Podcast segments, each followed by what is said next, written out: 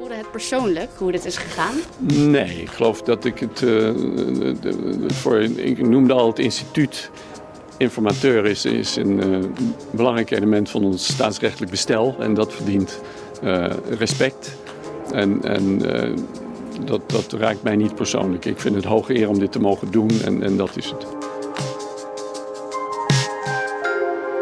Dit is Politiek Vandaag met Sam Hagens. Welkom, fijn dat je luistert naar Politiek Vandaag, de wekelijkse podcast waarin ik met Merel Eck de politiek bespreek aan de hand van fragmenten, interviews. Hey Merel. Hey Sam. Wat een week was het.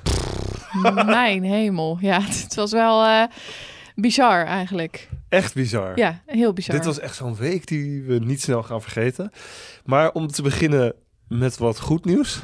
Ja, nee, ja, dat, ik zei tegen jou. Het, als je deze week zo bekijkt en dan komen er nog allerlei eh, dingen nog bij. En hoe iedereen omgaat met elkaar in de Kamer.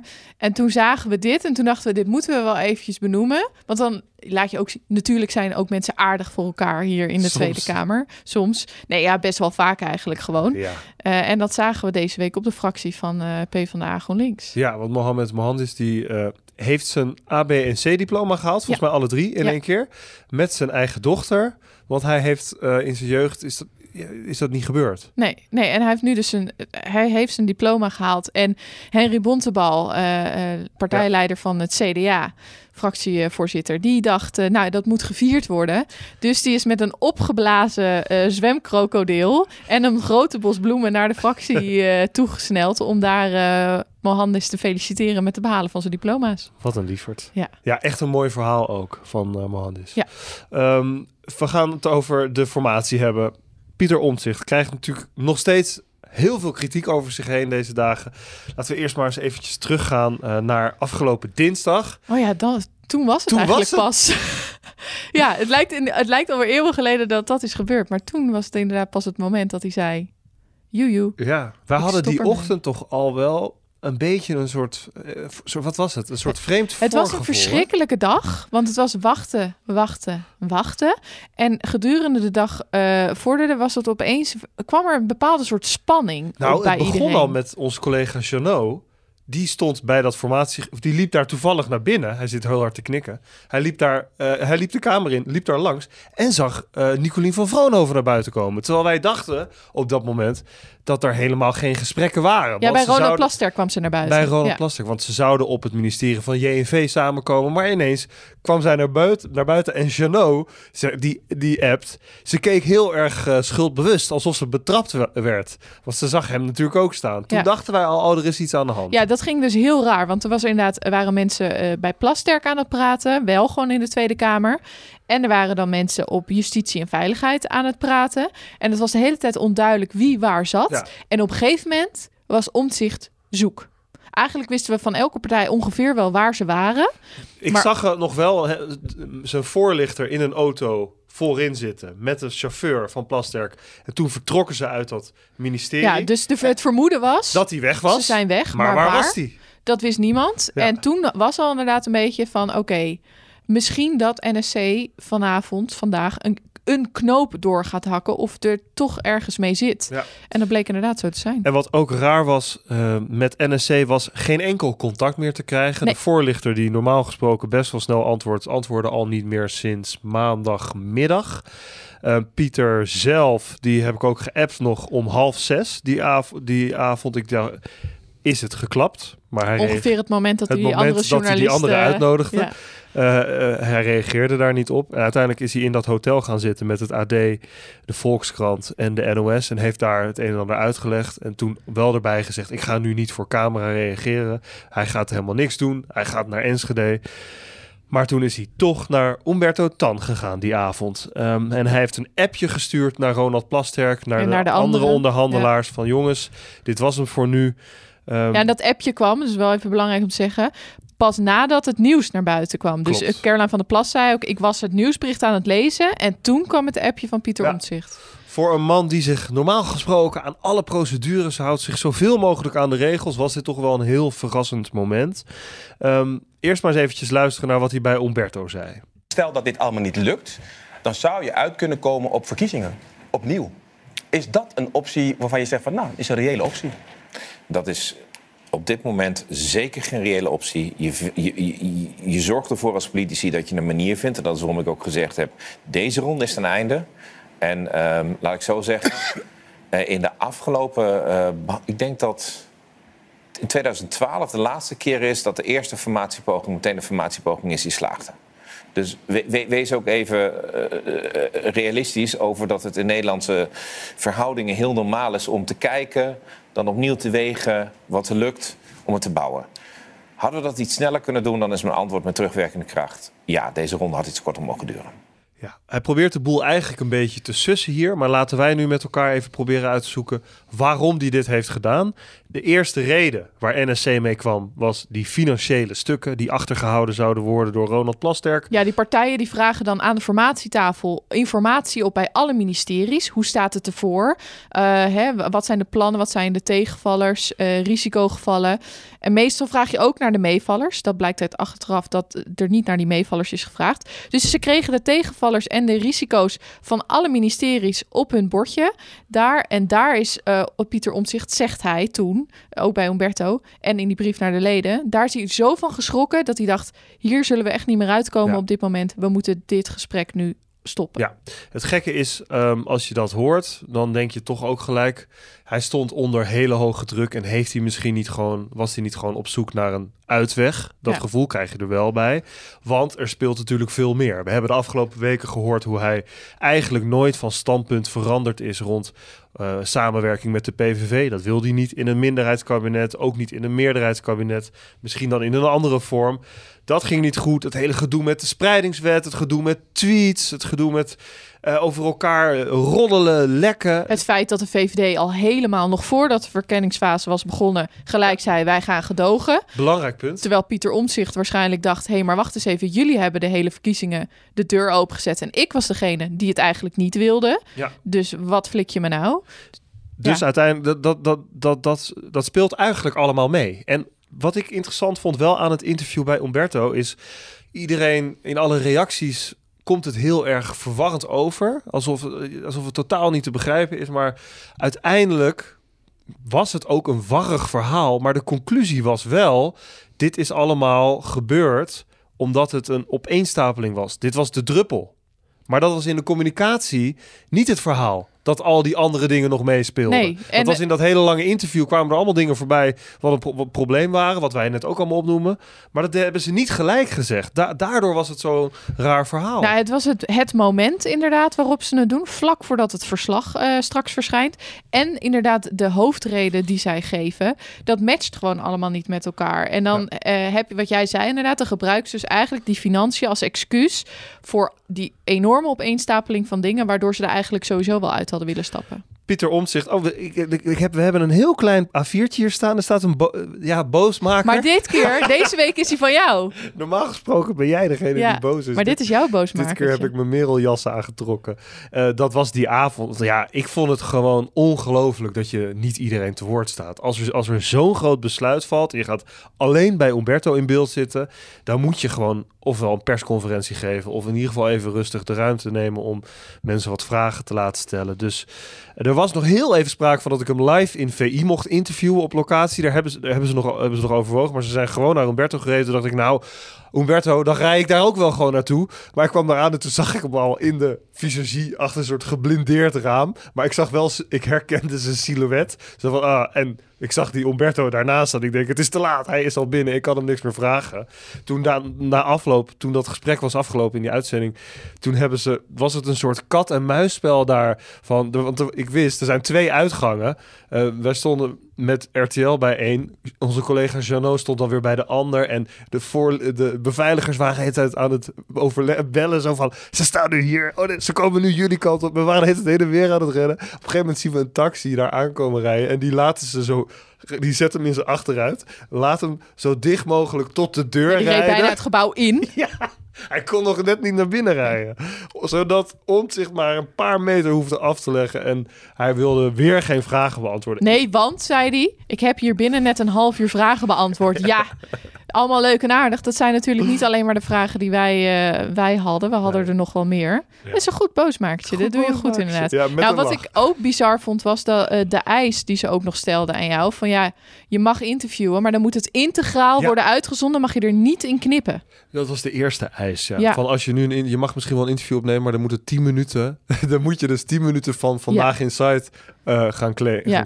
Nou ja, dan, Dat dan zou vandaag in Site denk ik voor het eerst onder de 500.000 kijkers eh, gaan vallen. Ja, 10 minuten interview met Pieter Omzicht, dat is, eh, dat is vrij onmogelijk. Volgende dag, ja, hij vertrok dus naar, naar Enschede. Het verhaal van de partij was, hij is doodmoe. Hij heeft een paar dagen rust nodig. Dan denk je gelijk, oh, hij heeft een burn-out weer. Daarvan zeggen ze, nee, dat is absoluut niet aan de hand. Maar ik, uiteindelijk kwam ik toch nog Eddy van Heijem tegen op de fractie van NSC. En eh, daar had ik het toch ook nog over, over, dat, over die financiën. Of dat niet ook ja, een beetje ook een soort excuus was. Wij hebben geconstateerd dat er, als het over de financiën gaat, al een hele grote, forse financiële opgave ligt. Eh, Er is een tekort, de overheid zal moeten bezuinigen. Eh, en de informatie die wij heel recent, eh, heel laat en na heel lang aandring hebben gekregen, die heeft dat beeld nog slechter gemaakt. Ja. En dan zien we dat dus de, de kloof tussen wat eh, de politiek allemaal wil en wat er financieel mogelijk is, gigantisch is. Dan zou ik zeggen, we hebben nu de informatie. Nu kunnen we een goed gesprek voeren met elkaar. Ja, maar dan moet je dus ook de overtuiging hebben dat iedereen bereid is om die realiteitszin en die ambities te matigen. Dan is het dus niet de cijfers die er zijn, maar het vertrouwen in elkaar. Nou, eh, laat ik zeggen, de, de constatering dat er nog een hele grote afstand zit tussen wat we met elkaar willen. eh, laat ik het echt ook even breed houden. En wat er financieel mogelijk is. En ik denk dat dat inderdaad om een, eh, een serieus gesprek eh, vraagt. Maar dat zal in de volgende fase moeten Ja. gebeuren. Ja, dit, dat, dit, dit, dit snap ik dus niet. dit, je zegt, er, eh, hè, de, de financiële situatie is zo slecht dat we moeten echt, nou ja, alles wat we eigenlijk wilden tot nu toe, dat, dat blijkt dus blijkbaar niet te kunnen. Dan ga je daarover dus weer met elkaar in gesprek. Ja. En dan ga je kijken of je eh, daadwerkelijk er met elkaar uit kan komen. En als dat blijkt dat dat niet kan, dan zeg je, joh, dan is het voor mij eh, eh, klaar. Ja. Maar dat is dus nog niet eens, eh, daar is dus nog niet eens een serieuze poging toegewaagd. En het feit dat Eddie van Heijem, die, die kan het dus wel rustig, uit, ja. eh, eh, dat wel, eh, rustig uitleggen. En dat was natuurlijk ook het lullige van het feit dat Pieter Omtzigt maar een aantal media te woord heeft gestaan. Daardoor werd zijn fractie onwijs lastig gevallen door alle journalisten die Pieter Omtzigt niet meer konden spreken. Ook. Logischerwijs, inderdaad. Want je wil een uitleg. Maar ja, normaal gesproken. Ik sprak wat mensen die er al heel lang rondlopen. Die zeiden ja, een leider die gaat eigenlijk voor zijn fractie staan. Die gaat het uitleggen zodat zijn fractie rustig weg kan in zo'n situatie. En dat heeft Pieter Omtzigt laat, gedaan. hij laat zijn fractie gewoon in de steek Ja. deze week. Ja. Ik moet zeggen, ik heb ook een aantal Kamerleden. Ja, dan ga je inderdaad zo achter ze aanrennen. Eh, en eh, dan mogen ze niks zeggen en dan blijf je doorvragen. Dat slaat toch nergens op. Maar iemand anders zei toch ook wel van ja, eh, ik vind hier ook een hele hoop van. Ik zo ja, maar, ik, maar wat dan? Nee, dat ga ik niet zeggen. Maar ik vind hier echt wel wat van met hoe dit is gegaan. Dus ze zijn dat in, in, in die fractie zijn ze hier ook helemaal niet blij mee natuurlijk. Dat Nee. dit zo is gelopen. De uitleg van, eh, van NSC is ook van dat die ledenbrief, dat die lekte Ja. op dinsdag naar de NOS. En toen moest het wel naar buiten. Nou, dat, dat kan kloppen, want, of tenminste, de NOS had die brief eerder dan de leden. Ja. Want ik heb eh, zo, daarvoor zo, al ja. eh, een paar leden gesproken en die zeiden: Wij hebben nog helemaal geen brief Nee. ontvangen. Nee. Ehm, en hè, die hebben een paar andere leden ook weer gevraagd. Die hadden ook nog geen brief ontvangen. En eh, nou, ik denk een kwartier of twintig minuten nadat de NOS met die brief kwam, werd Ja. die inderdaad naar de leden gestuurd. Maar er is dus ook een lek daar bij NSC, die die brief dus aan de NOS heeft gelekt. Iets Ja. wat Pieter Omtzigt natuurlijk ook ten alle tijde wilde voorkomen. Ja, ehm, dan eh, naar eh Dylan Jusselkus vanochtend. Want er ging vandaag gaat het natuurlijk nog steeds eh, over de formatie. Ze zijn met z'n drieën in gesprek vandaag. Ja, ze zijn verder gegaan met praten met z'n drieën. Maandag gaan ze, ze nodigen hem weer uit, omzicht. Maandag weer. Ja. Oh ja, ja. Iemand zei op Twitter: eh, ehm, hoe vaak moet je iemand uitnodigen? Eh, en dat hij nee zegt voordat het stalking eh, Ja. wordt. het is inderdaad wel een beetje, ja, je weet inmiddels dat hij niet wil komen. Misschien maandag wel, hè? je weet het niet. Als het weekend eroverheen is geweest en hij heeft genoeg rust gepakt, misschien dat hij dan wel maandag nog een keer. Nee, hij wil gaat, echt niet meer, verklaren. hij gaat echt nooit meer komen. Nee, Niet ja, nu. nee, niet misschien de volgende ronde. De volgende ronde misschien wel. En jij had weer ruzie met nou, Jusselkus. ruzie. Nee, Wat ja. heb jij tegen haar? Nee, ik heb niks tegen iemand. Dit wordt, gewoon, dit wordt gewoon een soort bitchfight. Nee, ik heb, nee, ik vind het gewoon vervelend als er, eh, er wordt een duidelijke vraag gesteld. Daar wilde je eerder wel blijkbaar antwoord op geven, omdat het politiek gezien toen uitkwam. En dan nu niet meer. Eh, en dan gaat het over eh, dat ze he- helemaal aan het begin, nog voordat de verkenning was begonnen en ze met z'n allen om tafel zaten, zei Jezielke ze al: eh, wij gaan gedogen, wij gaan niet in een kabinet zitten. We gaan even luisteren. Wat alle scenario's zijn, wat opties zijn, eh, dat ga ik nooit voor een camera bespreken. Maar, nou, dat heeft u gelijk de eerste dag van de ik heb mijn verkenning inzet gedaan. aangegeven Ja. en daarna zijn we een fase ingegaan wat niet over de vorm ging. Dus wat dan nu over, perspectief ja. ging. En eh, dat is abrupt gestopt en dat moeten we nu eerst Nou, laten te we dan nu naar uw inzet vragen. Wat is nu uw inzet dan? Mijn inzet is nog steeds niet veranderd, want we hebben het nooit over de vorm gehad. Want Dus- dat is namelijk geen onderdeel. En verder ga ik dat echt niet Nee, voor de maar dus camera u- doen. nou, dus je maar- kunt het vragen, maar ik ga het niet doen. Maar dit is heel flauw, want u speelde aan het begin een politiek spel en dat wil u nu blijkbaar niet meer spelen. Dus dan zegt u niks meer voor dat de camera. zijn uw kwalificaties. Dat is sowieso niet, denk ik, een hele verre en open vraag. Maar dat zijn uw kwalificaties. Nou ja, u en ik ga niet hier scenario's met u bespreken. Maar dat doe waarom ik wilt met u die anderen. inzet nu niet meer herhalen? Is dat uw inzet heb ik dan net niet gedaan. meer? Ik zei, onze inzet is niet veranderd. We hebben de afgelopen periode eh, zijn we een fase ingegaan waarin we op papier hebben gezegd met elkaar: het gaat nu niet over de vorm, het gaat over perspectief. En midden in dat gesprek zat ik op een constructieve wijze en dat gesprek is abrupt gestopt. En nu moeten we kijken hoe we verder gaan. En dat is de juiste volgorde van Maar zaken. dus en dat is u wilt een nog- duidelijk antwoord. Dus u wilt nog altijd blijven gedogen? U wilt absoluut ik heb niet u in een echt mijn antwoord gegeven zoals ik hem geef. Ja ik, ja, ik sta aan de kant van Dylan. Natuurlijk, natuurlijk. Nee, maar wa- wat eh, eh, ze wil niet meer zeggen, ze wil de woorden niet meer uitspreken. Nee. Wij gaan alleen gedogen en we gaan niet in een kabinet zitten. Ja. Dat wil ze niet meer. Dat nee, wil maar ze zij op wil gewoon niet, ook niet meer. zij wil niet open kaart spelen. En dat is ook, daar is ook wel weer iets voor te zeggen. Want misschien hebben ze nog wel hetzelfde stand, standpunt binnenskamers. Misschien misschien hebben ze wel een ander standpunt. Maar als die onderhandelen, onderhandelingen weer helemaal opnieuw moeten beginnen, dan ga je toch niet de week daarvoor zeggen: Oké, wij staan er zo in. Nee, maar het is, ik denk dat dit ook deels met vertrouwen in politiek te maken heeft. Dat als jij aan het begin van een verkennings... dus helemaal zonder dat je nog gepraat hebt... al zegt, wij gaan voor deze vorm en een andere vorm... daar moeten we, gaan we niet mee akkoord. We gaan niet in een kabinet zitten, we leveren geen ministers. We gaan gedogen. En gaandeweg wil je dat niet meer uitspreken... en straks blijkt dat jij toch in een kabinet gaat zitten... dan komt dat natuurlijk heel raar over. En dat ik... Tuurlijk is het zo, de andere formaties gaan. Maar ik denk dan als je het over vertrouwen hebt... dan is in ieder geval over de vorm... wat je inzet is over de vorm. Heb je het helemaal niet over de inhoud... Ja?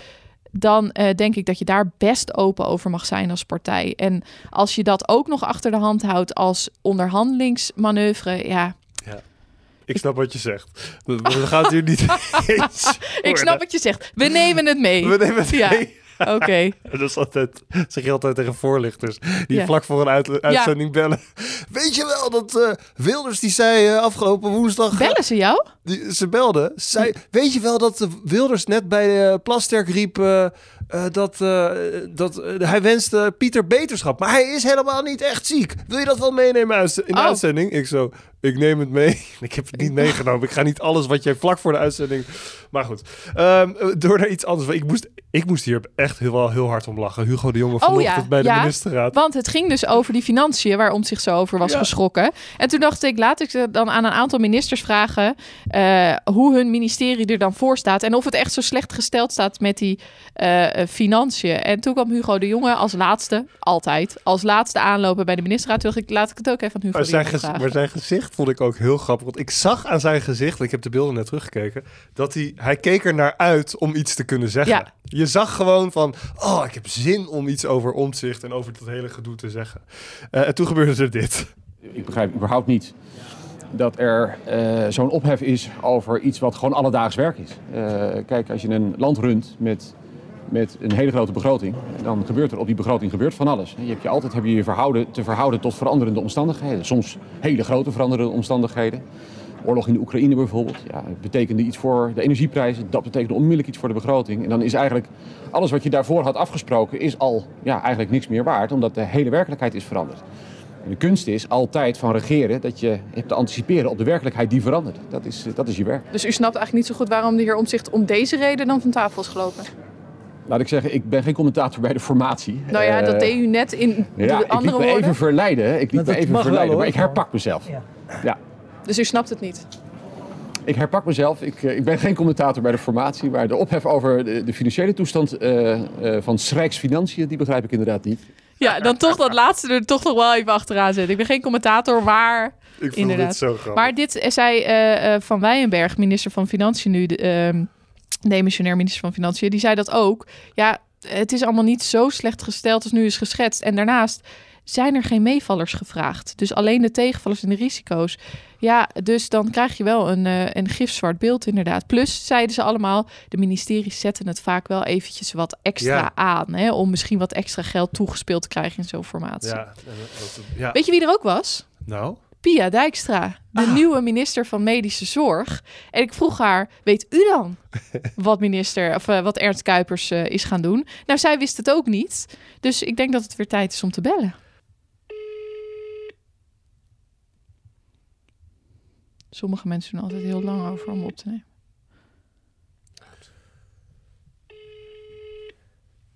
Helaas. Weer niet. We gaan hem volgende week... Hey!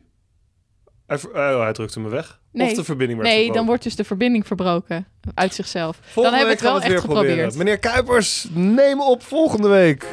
Dit was Politiek Vandaag. Dankjewel. Volgende week interessant, hè? Verslag en debat over formatie. Volgende week. Ik heb er zin in. Dankjewel voor het luisteren. En volgende week zijn we weer terug met Politiek Vandaag. Fijn weekend.